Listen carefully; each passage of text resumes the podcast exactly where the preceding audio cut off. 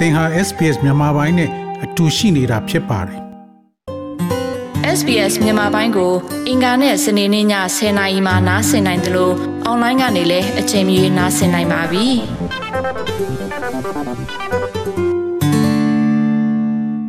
ပြီးခဲ့တဲ့တနှစ်ခွဲကျော်ကာလဟာမြန်မာနိုင်ငံအတွက်တော့စိန်ခေါ်မှုအကျက်တဲတွေနဲ့ဖြတ်တန်းခဲ့ရတယ်လို့ဆိုနိုင်ပါတယ်။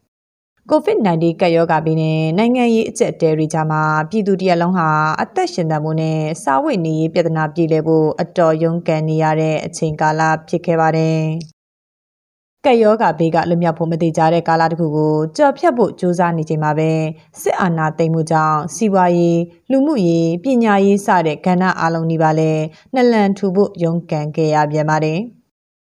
ဒီလိုအကျက်တဲတွေနိုင်ငံရေးပြည်ပခါတွေကြားမှာမြန်မာပြည်သူတရက်လုံးရဲ့လူထုဘဝရှင်သန်ဖို့ခက်ခဲနေတယ်ဆိုတာညင်းပွဲရမရှိပါဘူးလက်ရှိမှာတော့အကျက်တဲမျိုးမျိုးကြုံတွေ့ကြရသလိုဖြည့်ရှင်းဖို့ရမှာလဲစိန်ခေါ်မှုတွေနဲ့ရင်ဆိုင်နေရတယ်လို့ဒေသတွင်းဖွံ့ဖြိုးရေးလုပ်ငန်းဆောင်ရွက်နေသူတွေကဆိုပါတယ်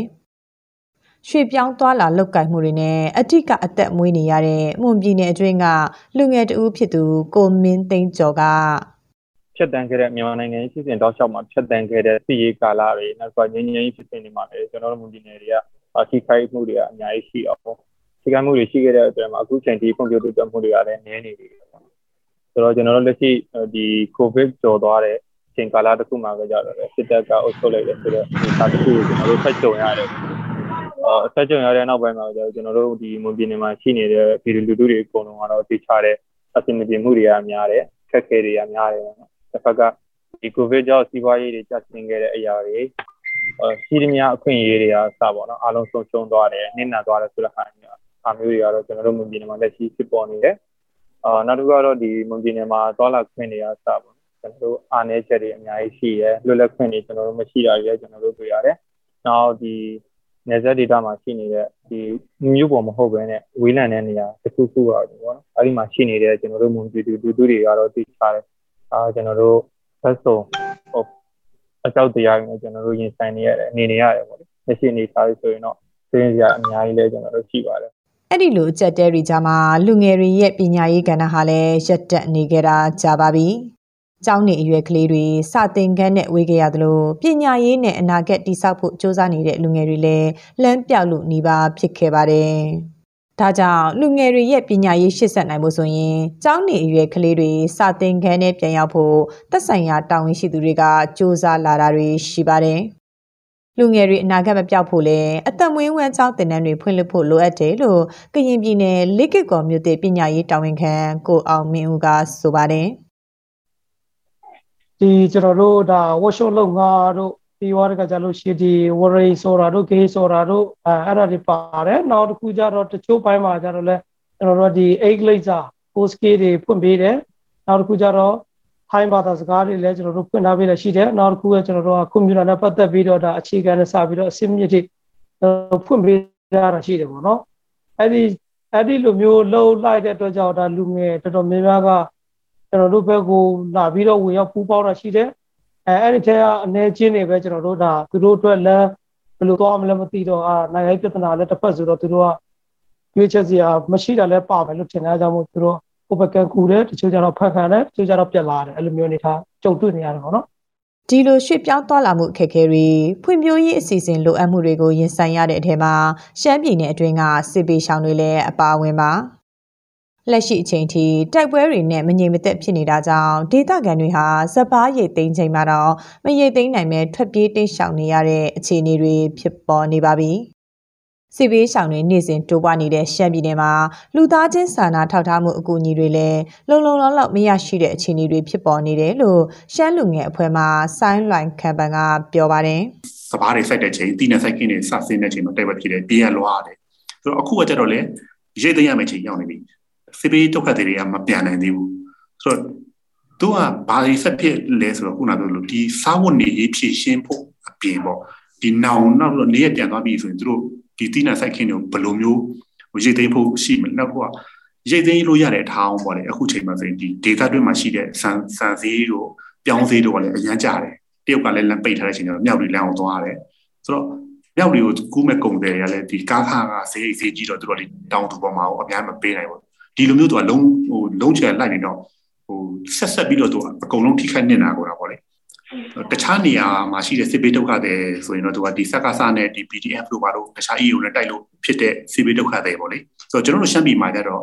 သူကဒီရှမ်းပြည်မှာအခြေစိုက်တဲ့ EU အချင်းချင်းဖြစ်တဲ့ပြဿနာဆိုပြီးတော့လစ်လူရှုတာများတယ်ဒါကိုမြင်ပြီးတော့အကူကြီးပေးတဲ့ဟာကတိတ်မပေးချင်ကြဘူးပေါ့လေ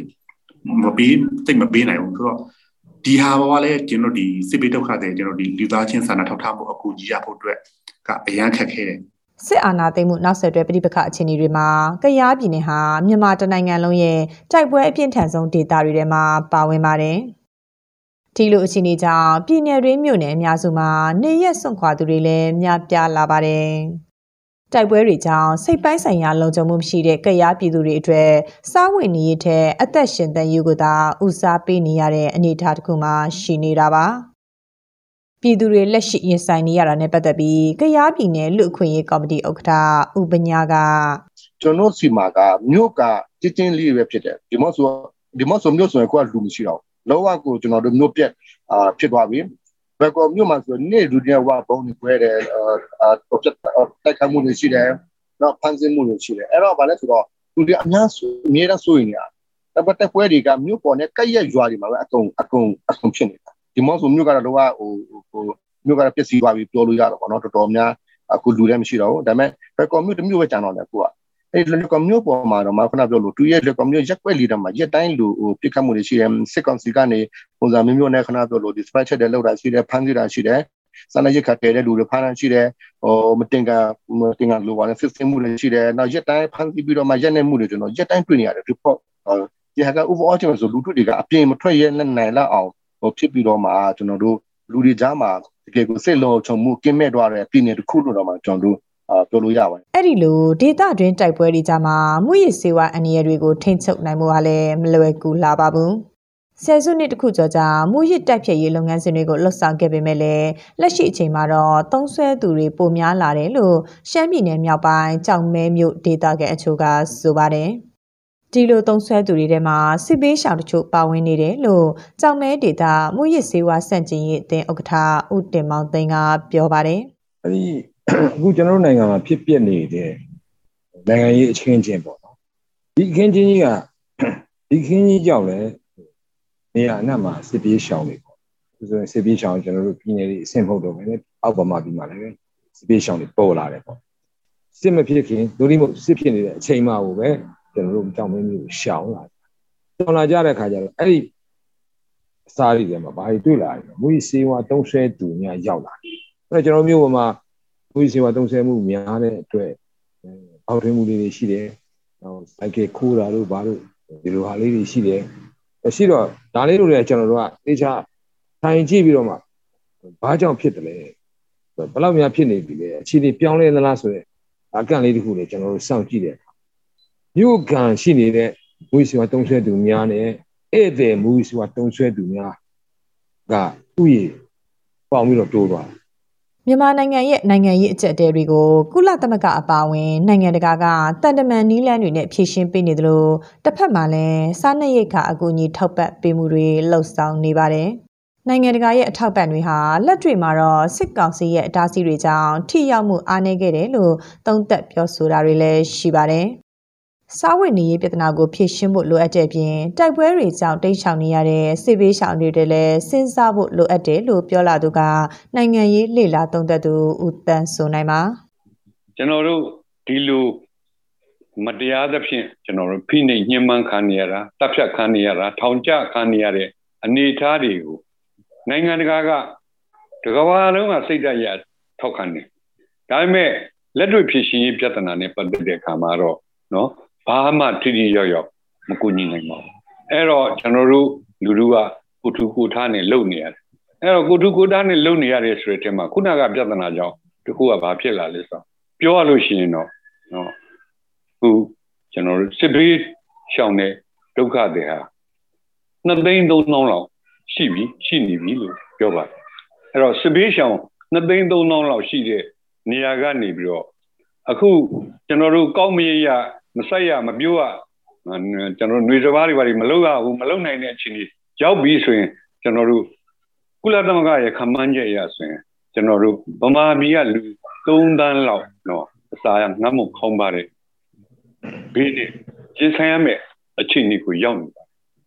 ကက်ယောဂါဘေးမှာအသက်ပေးခဲ့ကြရသလိုအာနာသိမ့်မှုနောက်ဆက်တွဲမှာလည်းတနိုင်ငံလုံးနှီးပါစစ်ပေးရှောင်လို့ဖြတ်တန်းနေကြရတာပါ စားဝတ်နေရေးတာမက အသက်လုံခြုံရေးမှာလည်း အခက်ကြုံနေရတဲ့ ပြည်သူတွေအတွက်တော့ ဒီအခြေအနေတွေကနေ ရုန်းကန်လွတ်မြောက်ဖို့ဟာ အဓိက ပန်းနိုင်တစ်ခု ဖြစ်လို့နေပါတယ် ဒီပန်းနိုင်ကိုရောက်ဖို့အတွက် ကောင်းမွန်တဲ့အစိုးရ စစ်မှန်တဲ့ ဒီမိုကရေစီကို ပိုင်ဆိုင်ခွင့်ရဖို့အရေးဟာ ပြင်းပြတဲ့ဆန္ဒတစ်ခုအဖြစ် ပြည်သူတွေမှာ ရှိနေတာပါ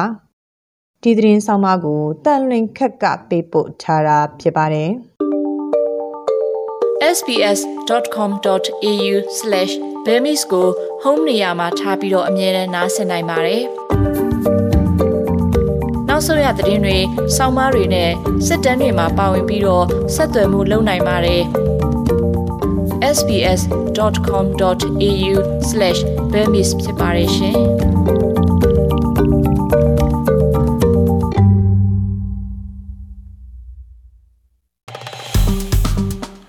SPS မြန်မာပိုင်းကို Facebook ပေါ်မှာ like ရှာပြီး like မျှဝေမှတ်ချက်ပေးပါ